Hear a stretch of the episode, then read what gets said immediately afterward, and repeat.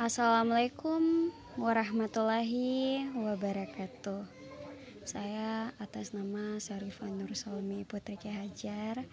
Halo semuanya, selamat malam, salam sejahtera untuk kita semua.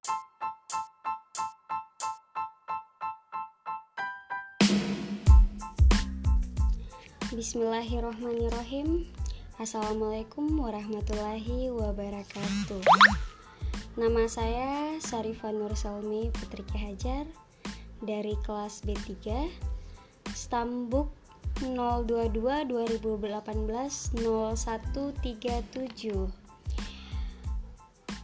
Saya akan mereview film yang berjudul The Founder. Film ini menceritakan perjalanan restoran McDonald yang mampu berkembang hingga lingkup nasional.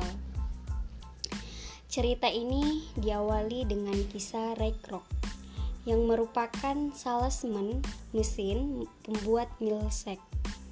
Kala itu dirinya bisa dibilang tidak sukses dalam bisnisnya karena sering mendapatkan penolakan ketika menawarkan produknya tersebut. Tersebut. Tapi Ray Kroc merupakan sosok entrepreneur sejati dan memiliki visi dan pandangan yang luas. Setiap ingin tidur, ia selalu mendengarkan rekaman motivasi agar dapat bangkit. Suatu saat, Kroc mendapatkan pesanan sejumlah enam mesin milkshake ke restoran burger yang bernama McDonald di Belleville. Saat sampai di, di tempat, Krok terkejut dengan toko yang dimiliki dua bersaudara, Mac dan Dick.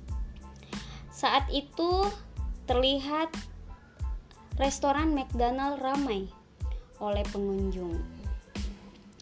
Ia pun penasaran dan ternyata layanan untuk menyediakan makanan dari McDonald hanya membutuhkan 30 detik Padahal saat itu rata-rata restoran menyediakan makanan membutuhkan waktu 30 menit. Ray juga mengamati bahwa banyak restoran drive-in yang dia coba jual berjalan tidak efisien dengan waktu tunggu yang lama untuk untuk pesanan.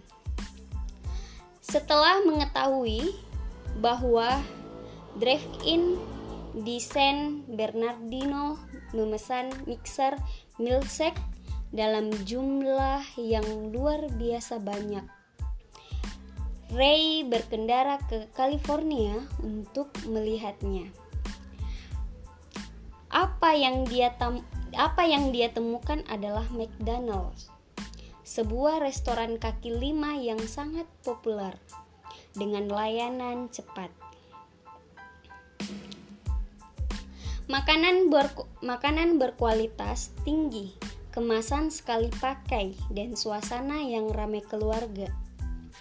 Ray selanjutnya bertemu dengan pemilik Stan McDonald, John Carlo Lay, dan Dick McDonald Nick Overman. Overman. Mac dengan bersemangat menunjukkan Ray di sekitar Stan kecil menjelaskan standar ketat yang mereka gunakan untuk menyiapkan item serta alat penyajian alat penyajian yang dibuat khusus untuk membantu mereka mencapai sistem layanan speeded. Saat makan, pada saat makan malam, saudara saudara-saudara menjelaskan sejarah mereka ke kepada Ray Awalnya datang ke Hollywood untuk bekerja di film. Mereka akhirnya membuka bioskop yang terpaksa ditutup karena depresi hebat. Mereka selanjutnya membuka kedai makanan di Monrovia yang akhirnya dipindahkan ke San Bernardino, tempat gerai makan mereka saat ini. Menyadari bahwa sebagian besar keuntungan mereka berasal dari penjualan hamburger, kentang goreng, dan milkshake. Saudara-saudara ini berfokus untuk menjadikan ini satu ini satu-satunya barang yang dijual di gerai mereka. Kemudian menjadikannya hanya kedai makanan sederhana menghilangkan remaja berkeliaran seperti yang terlihat di restoran drive-in. Dan kemasan makanan sekali pakai mengurangi biaya piring dan peralatan makanan. Semua informasi ini membuat Ray terpesona dan tak lama kemudian dia mengusulkan agar saudara-saudara me mewarlabakan restoran mereka.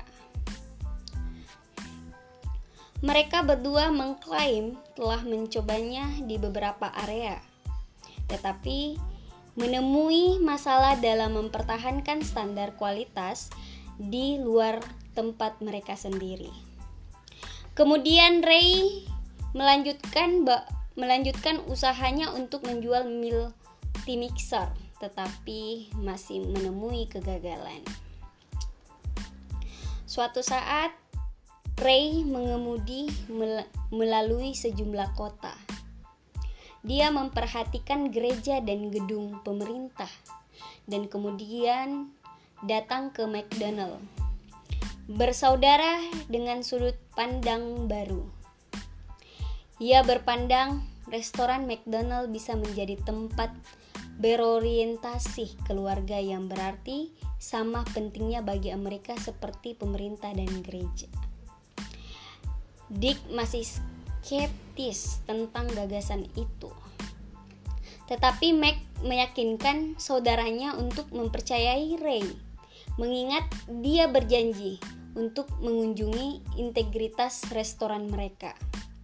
Kemudian kontrak dibuat untuk keluarga McDonald dan Ray.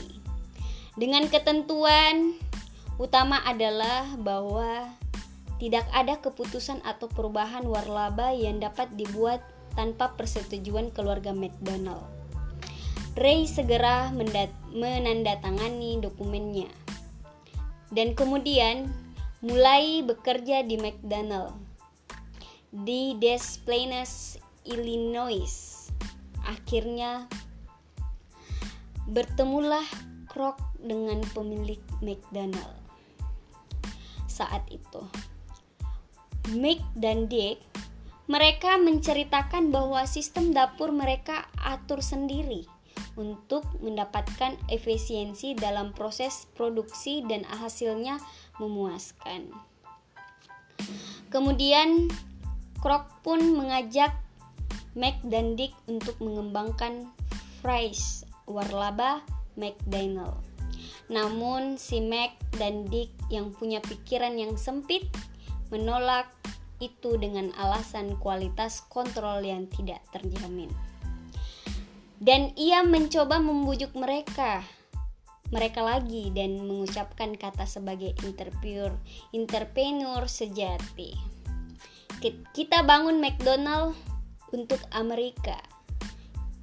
Hingga akhirnya mereka melakukan deal dan Krok melakukan tugasnya sebagai CMO, Chef Marketing Officer, dengan mengembangkan sayap sayap McDonald.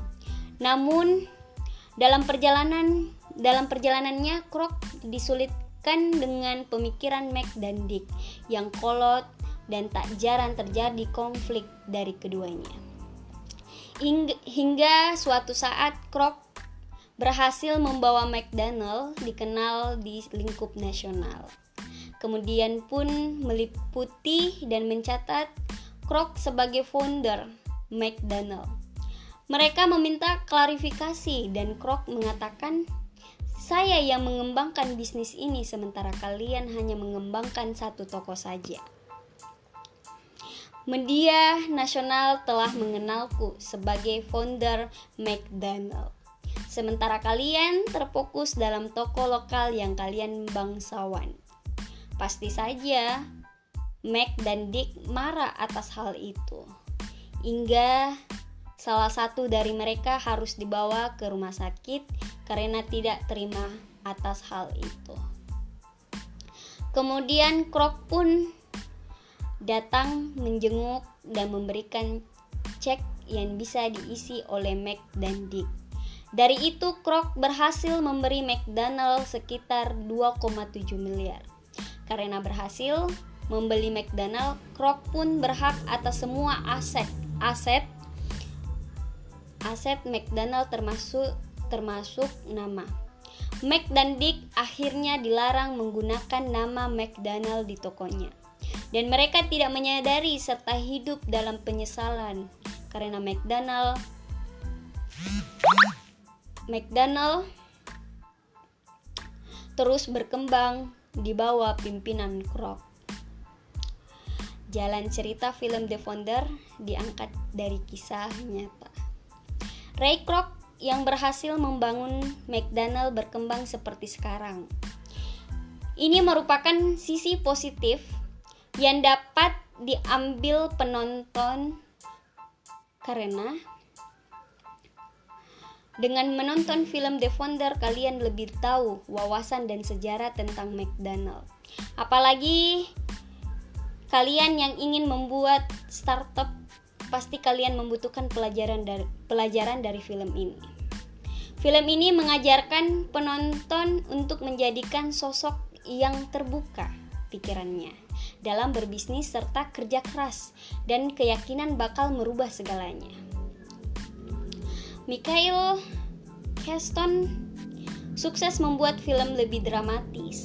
Michael Keston aktor yang memang sudah berpengalaman dalam membintangi film film Hollywood sukses membawa film The Founder lebih dramatis. Dengan pembawaannya dalam toko Croc, ia sukses membawa Croc menjadi seorang entrepreneur sejati dan ambisi. Selain itu, konflik dengan Mac dan Dick cukup sukses membuat drama dalam berjalan pengembangan bisnis McDonald.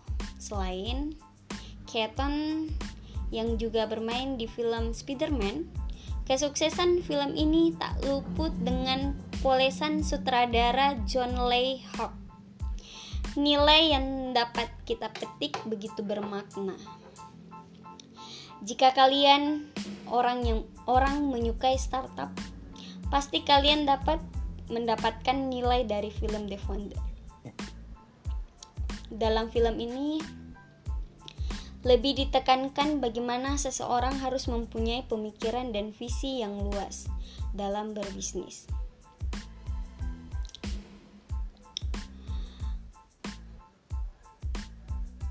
Kalau tidak kalau tidak mereka akan dihancurkan oleh sosok yang punya visi besar Kekurangan dari film The Founder, setiap film pasti memiliki kekurangannya tersendiri. Menurut kami, inilah kekurangan yang dimiliki dari film The Founder. Tokoh antagonis dan protagonis tidak jelas. Dalam film The Founder, tokoh antagonis dan protagonis sul sulit dibedakan. Apakah Krok penjahat ataukah ia memang di jalan yang benar? Dan Mick dan Dick harus dikasihani atau memang itu kesalahan mereka yang harus diterima? Hal ini membuat banyak penonton Hal ini membuat banyak persepsi yang di kalangan penonton. Itulah jawaban menurut saya dan saya akan melanjutkan uh, pertanyaan dari podcast Spotify yakni apa perbedaan taktik dan strategi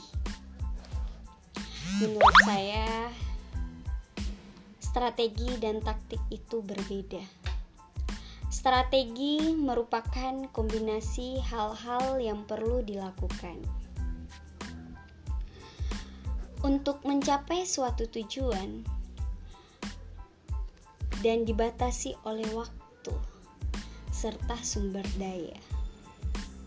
Sedangkan taktik ialah metode langkah ataupun alat yang diterapkan untuk mendapat hasil terukur dalam menjalankan strategi.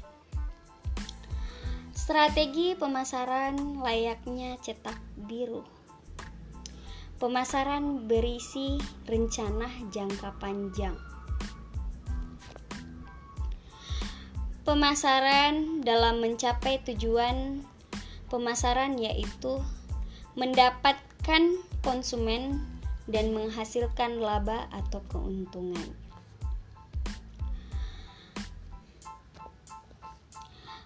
Dalam strategi akan direncanakan bagaimana agar perusahaan mendapatkan keunggulan kompetitif atas kompetitornya. Bagaimana meng mengalokasikan sumber dayanya? Bagaimana mendefinisikan pasar juga produk? Melakukan branding kepada pasar, mendatangkan inter investor, membangun citra perusahaan dan ancaman masa depan perusahaan.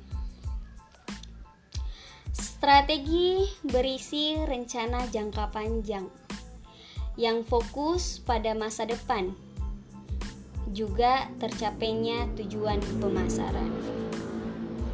Adapun taktik menentukan bagaimana strategi dijalankan berisi tindakan yang fokus pada tugas-tugas masa kini.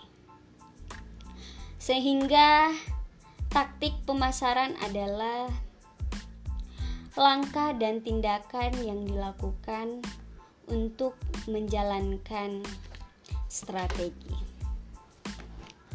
Baiklah, itulah tadi review film dari saya, dan itulah jawaban dari saya atas pertanyaan yang saya dengarkan pada podcast Spotify. Atas perhatiannya saya ucapkan terima kasih. Sebelum menutup tugas ini, saya ingin sedikit berpantun. Kalau ada sumur di ladang, bolehlah kita menumpan mandi.